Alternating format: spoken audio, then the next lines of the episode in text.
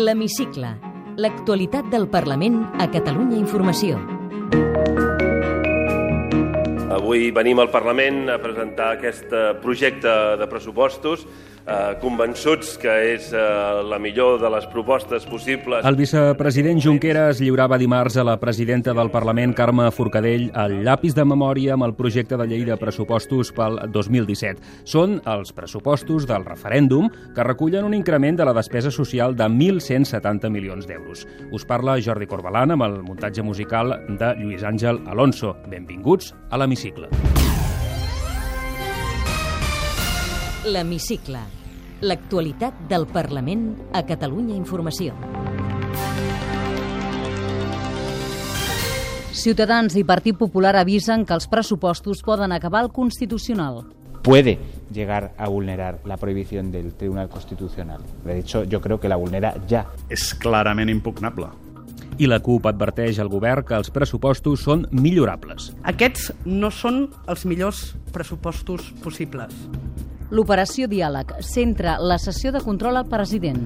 El gobierno de España se ha movido. Está enviando señales. Vull dialogar amb l'única condició i és que no hi hagi condicions, perquè si no no hi ha diàleg, si no hi ha monòlegs. El ple dona llum verda a la tramitació de la llei perquè els residents a l'estranger votin per internet. El vot en democràcia és sagrat i a dia d'avui encara no tots els catalans el tenen garantit. I contestaran una frase al qüestionari de l'hemicicle. Marisa Chandri, diputada del Partit Popular al Parlament per la província de Lleida.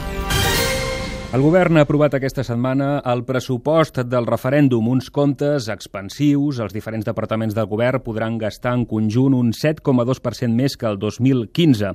El vicepresident Junqueras lliurava dimarts aquests comptes a la presidenta del Parlament, Carme Forcadell. Expliquem en Carme Montero el més rellevant dels pressupostos. La despesa social creix en 1.170 milions d'euros. Tres de cada quatre euros del pressupost van a parar a salut, ensenyament o afers socials. L'època de les retallades eh, es va acabar. Estem en una època que no té res a veure amb les retallades. Estem en una època en què el pressupost eh, s'incrementa en, globalment i s'incrementa en cada un dels departaments Si aquest és un pressupost més expansiu és perquè l'economia creix a bon ritme. Aquest any creixerà un 3,4% i el que ve un 2,7%. L'increment de despesa en 1.540 milions és possible, d'una banda, per una recaptació tributària més gran, incloent-hi els 120 milions de més pactats amb la CUP pels nous impostos, i de l'altra, per una reducció dels interessos del deute de 900 milions. A això s'hi afegeix un augment del 18% dels recursos pel model de finançament autonòmic. Tot i això, la despesa social encara és inferior a la que es feia abans de la crisi econòmica. En salut, uns 1.000 milions menys respecte al 2010. El vicepresident Junqueras no amagava el referèndum dins el pressupost fins al punt, Carme, d'assenyalar on és. Aquí, a la disposició addicional 31, diu que el govern, dins les disponibilitats pressupostàries, ha d'habilitar les partides necessàries per organitzar el procés referendari sobre el futur polític de Catalunya, en el marc de la legislació vigent en el moment de la convocatòria. I, a més a més, s'han pressupostat 5,8 milions d'euros per a processos electorals i de participació. Suposem que hi hagués una partida oculta, eh? Tu creus que ara t'ho dirien aquí? I llavors què hauria servit de que l'amagués, no? Al- Algú en aquesta sala creu que jo no faré el que tot el necessari per complir amb el mandat que m'han encomanat els ciutadans de Catalunya? En sèrio? Doncs la disposició addicional i les partides destinades al referèndum van provocar que Ciutadans, el PSC i el Partit Popular demanessin a la mesa que reconsiderés l'admissió a tràmit dels pressupostos per no topar amb el TC. La mesa va desestimar la petició, tot i l'advertiment verbal dels lletrats de la cambra, en el sentit que la disposició addicional podia vulnerar les resolucions del Tribunal Constitucional. El vicepresident primer de la mesa, Lluís Coromines, raonava la decisió que es va prendre amb el suport dels representants de Junts pel Sí i Catalunya sí que es pot. Clar, si es diu en el marc vigent legal vigent en el moment de la convocatòria, evidentment s'està parlant d'estar dintre de llei i per tant difícilment s'incompleixen les sentències o les interlocutòries quan la pròpia disposició que es demana la reconsideració apela a la legalitat i per tant considerem que no s'està eh, incomplint. Els partits que havien demanat que s'aturés la tramitació dels pressupostos no ho comparteixen. Sentim José María Espejo Saavedra, de Ciutadans, el socialista Ferran Pedret i el popular Alejandro Fernández. Es evidente que esa previsión que está en el proyecto de presupuestos puede llegar a vulnerar el, la prohibición del Tribunal Constitucional puede llegar a vulnerarla. De hecho, yo creo que la vulnera ja. No ha estat així eh, i nosaltres, per tant, en aquest sentit ho lamentem, però si els pressupostos han de seguir la seva tramitació, nosaltres estem eh, més que contents i més que disposats de discutir tots els seus continguts. Encara queda el que nosaltres diem el recurs de la CUP, i és que se'ls giri el cap i el dia 20 doncs, eh, tirin els eh, pressupostos enrere. Per tant, el recurs de la CUP és una as que tenim a la màniga, eh, vés a saber què faran, no? perquè és una cosa bastant imprevisible. Com queda el calendari, Carme? Doncs el debat a la totalitat dels pressupostos es farà en el ple del dia 20. Després de festes començarà el debat i la discussió de les esmenes a l'articulat. Si els comptes tenen prou suport polític, s'aprovaran en el ple del 8 i el 9 de febrer. Si l'oposició els envia al Consell de Garanties Estatutàries, el debat final es podria retardar un mes. L'hemicicle.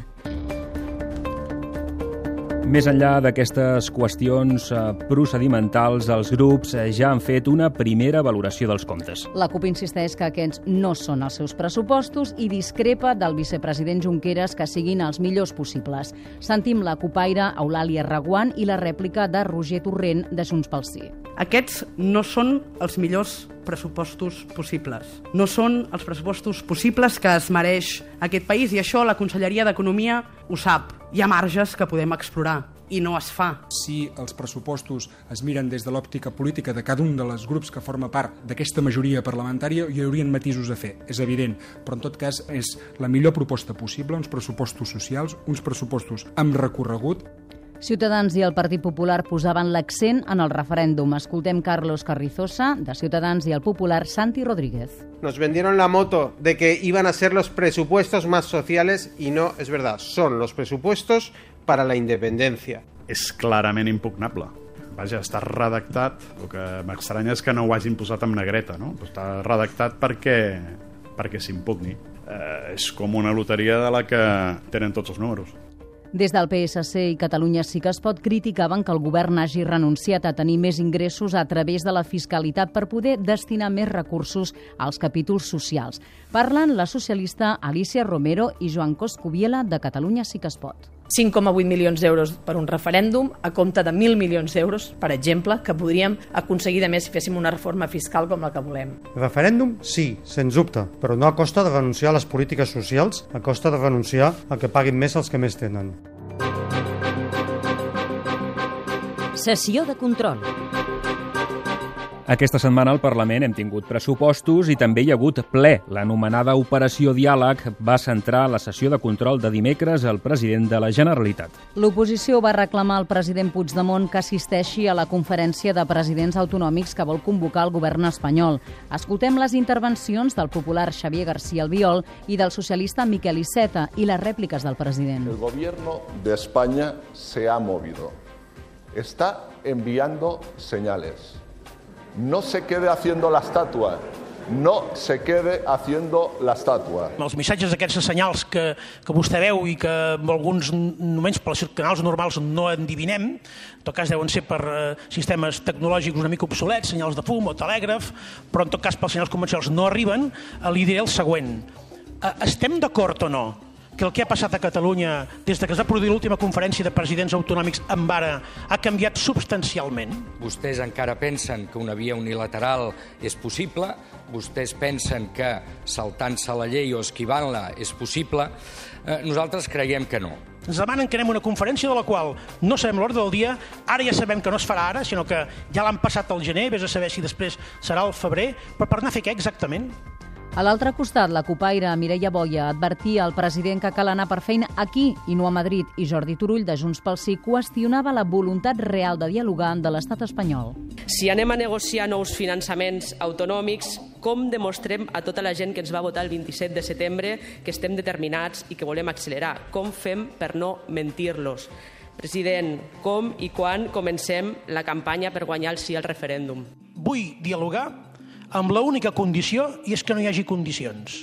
Perquè si no, no hi ha diàleg, si no hi ha monòlegs. De diàleg res, de monòleg tot.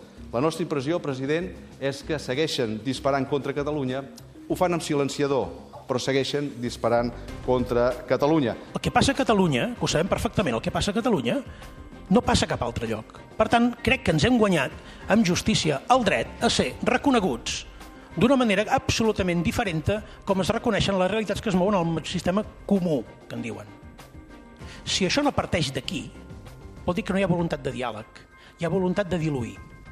La cap de l'oposició, Inés Arrimadas, aprofitava també la seva intervenció per criticar que els pressupostos incloguin partides pel referèndum. No es que sean presupuestos imposibles, sino que sean presupuestos sensatos. Si ustedes hacen mucho, hace mucho que el SEIN català lo perdieron por el camino. Vostès estan obsessionats amb el 0,02% del pressupost, que és exactament el que pesa els diners previstos per les consultes en aquest país. 0,02%. Aquesta és la seva obsessió. És la que empastifen rodes de premsa, portades de diari, salaris, 0,02%. Bé, tenen el dret, tenen el dret. Deixi'm que nosaltres ens ocupem d'aquest més del 74% de despesa social que tenen els pressupostos de la Generalitat de Catalunya. I Lluís Rebell de Catalunya Sí que es pot va optar per preguntar al president per la pobresa energètica. No els hi podem deixar escletxes, aquestes companyies. Mobilitzem-nos, movem-nos, perquè hi ha un clam de la societat civil, de les entitats socials, per arribar a la signatura de convenis que obliguin a les, a les companyies subministradores a complir amb la llei. El protocol és claríssim. Escletxes no n'hi ha. El que passa és que, efectivament, vostè ho ha descrit molt bé. Al final, eh, obligar-los, no tenim l'eina per obligar-los.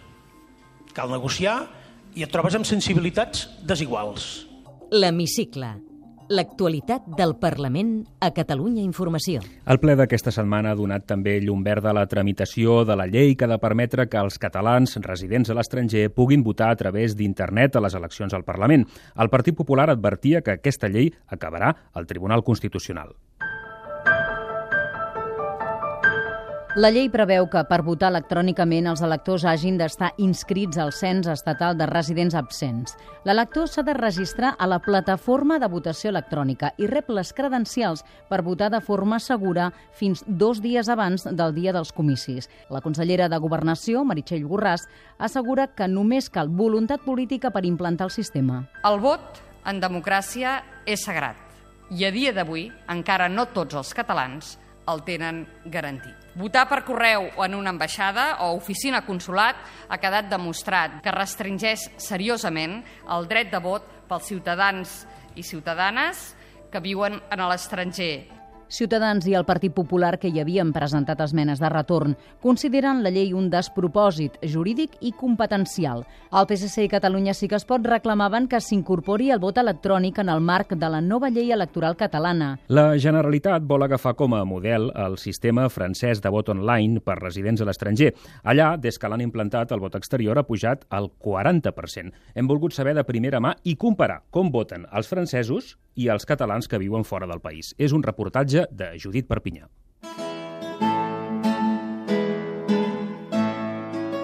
En un par de clics ya tienes tu voto hecho. Me llamo Adolfo, tengo 47 años y llevo 16 años viviendo en Barcelona. ¿Cómo funciona? Pues uh, recibimos en varios correos electrónicos a nuestra dirección personal los credenciales para participar, la contraseña, un usuario, el uh, vínculo de la página web.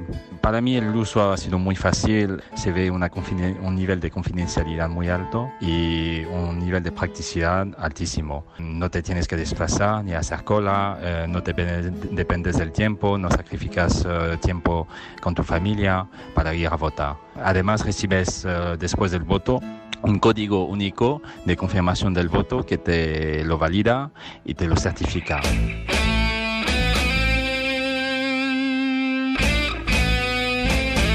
Realment per poder votar has de tenir-ne ganes ja que has de fer un munt de passos. Soc en Jordi Gairin, eh, visc a Luxemburg des de fa més o menys 15 anys. Demanar el vot has d'enviar una sèrie de documentació per justificar que ets viu i un cop has fet aquesta sol·licitud i te l'han acceptada, t'envien les paperetes. Però no te les envien de seguida, sinó que te les envien doncs, una setmana abans de les eleccions. Què vol dir això? Que si havien començat a enviar les, pap les, les paperetes el dia 15 de juny, les havies de rebre, per exemple, a Buenos Aires i llavors ho havies d'enviar-ho abans del 21 de juny, doncs com podreu comprovar, la majoria de gent es va quedar sense votar en aquest cas, perquè no van rebre ni les paperetes a temps i si les van rebre a temps no van tenir temps d'enviar-les al consulat en els terminis pertinents. Aquí a Luxemburg, com que el servei de correus funciona i no vam tenir gaires problemes, a més a més, com que podem votar en urna al consulat, perquè com que és un país petit, però imagineu a Argentina o als Estats Units, que no hi ha consulats a totes les ciutats, doncs ho tenen bastant pelut per votar.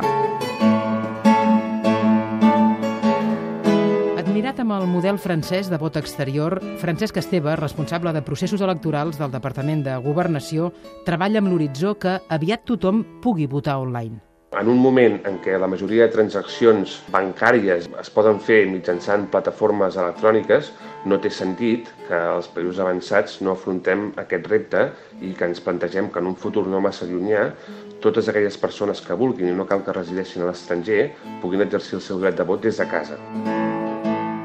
L'Hemicicle. L'actualitat del Parlament a Catalunya Informació.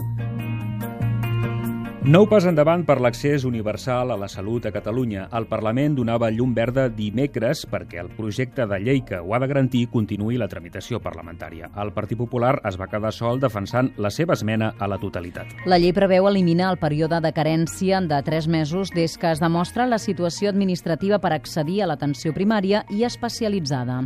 El conseller de Salut, Antoni Comín, defensava la norma per posar fi al decret que el govern espanyol va aprovar el 2012 i que deixava sense cobertura gratuïta les persones immigrants en situació irregular. La diputada popular, Marisa Xandri, creu que la llei obre la porta perquè els turistes i els immigrants irregulars utilitzin el sistema sanitari. Tothom té dret a tota la cartera des del primer moment, des del primer moment en què demostra la seva condició de resident. Vostè sap, més que ningú, que tenim un sistema sanitari que se'ns escapa de les mans, que no podem pagar. I en lloc de buscar solucions realistes, es bomben que aquí a Catalunya tothom, tothom tindrà garantida la sanitat en tots els àmbits. Després ens queixarem del, del turisme sanitari, que hi és, i que els propis nouvinguts arrelats parlin malament dels seus compatriotes irregulars. L'actualitat d'aquesta setmana al Parlament també ha passat pels jutjats. L'exsecretari general Pere Sol i el lletrat major de la cambra, Antoni Bayona, declaraven dimecres com a testimonis davant la magistrada del Tribunal Superior de Justícia que investiga la presidenta Forcadell per desobediència i prevaricació. Els dos juristes de la cambra van advertir per iniciativa pròpia que la votació del 27 de juliol sobre el procés constituent desobeïa les resolucions del Constitucional. Segons la querella de la Fiscalia, va ser Forcadell qui va encarregar aquest informe, cosa que la presidenta presidenta del Parlament sempre negat. Forcadell està citada a declarar el dia 16. El Parlament, per cert, es desentendrà de la renovació del Tribunal Constitucional. Junts pel Sí i la CUP, amb majoria a la comissió on s'ha de votar, han advertit que vetaran qualsevol candidat. Només el PSC ha presentat noms. La resta de partits han optat per no presentar-ne cap. Jordi Turull, de Junts pel Sí, explica per què el Parlament no ha de participar en la renovació del TC nosaltres no hi hem d'anar a fer res. Estem en una fase de desconnexió i per tant crec que la millor senyal que poden de rebre de, de Catalunya és que senzillament no hi volem ser. No ens el creiem, no hi volem ser i a més a més ha esdevingut més que un tribunal d'interpretació d'una Constitució, un tribunal penal i per tant no hi hem d'anar a fer res. Davant l'anunci de veto, Ciutadans, el PP i Catalunya sí que es pot han renunciat a presentar candidats.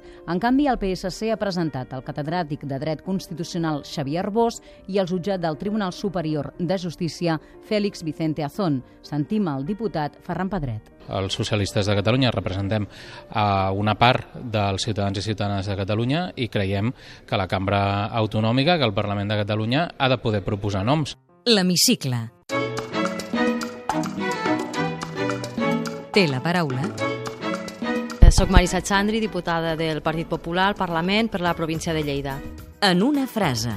Existeix una operació diàleg? Crec que sí. Almenys la intenció per part d'alguns sí que existeix. Eh, la que dubto és per part d'uns altres. Els jutges han d'arribar allà on no és capaç d'arribar la política? Els jutges han de fer la seva feina i els polítics han de fer la, la que els hi pertoca també. Com definiria l'actual curs polític? Pues complexe, complicat i molt diferent a quan jo vaig entrar al Parlament l'any 2010. Com creu que s'acabarà? Imprevisible. Jo em temeixo unes eleccions aquest any 2017 davant doncs, uns pressupostos que si tiren endavant seran molt difícils de complir. Quina llei li agradaria més aprovar aquesta legislatura? La de suport a famílies nombroses que ja han presentat més d'un cop i, i que penso doncs, que afavoririen doncs, a totes aquelles famílies entre, entre les quals jo, jo hi formo part perquè penso que contribuïm força a, la, a aquesta societat. Així que és família nombrosa? Sí, sí, sí, tinc quatre fills. Un referent polític? Robert Schuman, un dels pares de la Unió Europea. Hi ha nova política i vella política? Hi ha mala o bona política, però nova i vella no. El pla perfecte per un cap de setmana. A mi m'encanta la platja, passar un cap de setmana tranquil, doncs eh, sota una, una sombrilla i prendre el sol. Recorda què volia ser quan era petita? Mm, m'encantava la professió de farmacèutica. Tenir una farmàcia era la meva gran aspiració. Estaria disposada a acollir una família de refugiats a casa seva? Per què no? Sí, sí, sí cap problema. Quants diners porta la cartera habitualment? Pocs.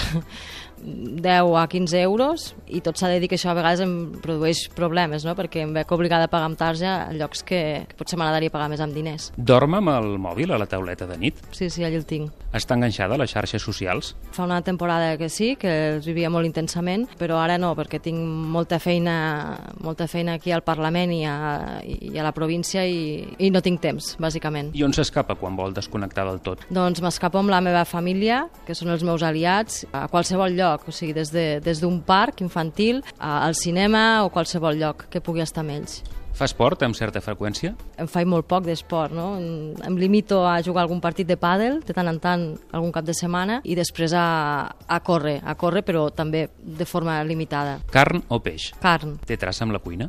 No. Què li fa més mandra de fer a casa? Cuinar és un dels meus punts dèbils. Per exemple, no puc dir el mateix del que és planxar, que m'encanta, però cuinar no, no és el meu. Recomani'ns un llibre. Eh, és del Santiago Posterguillo, el recomano. Estic eh, acabant Africanus. Tota la saga d'aquest autor són molt bons. Quina banda sonora posaria a la seva vida? Qualsevol melodia, qualsevol cançó de, de U2, per exemple. Hi ha alguna cosa després de la mort? Crec que sí, crec que hi ha la vida amb majúscules. Marisa Xandri, diputada del Partit Popular per Lleida, gràcies per ser a l'hemicicle. Gràcies a vosaltres. Podeu tornar a sentir l'hemicicle al web catradio.cat barra hemicicle i seguir l'actualitat del Parlament al compte de Twitter arroba cati-política.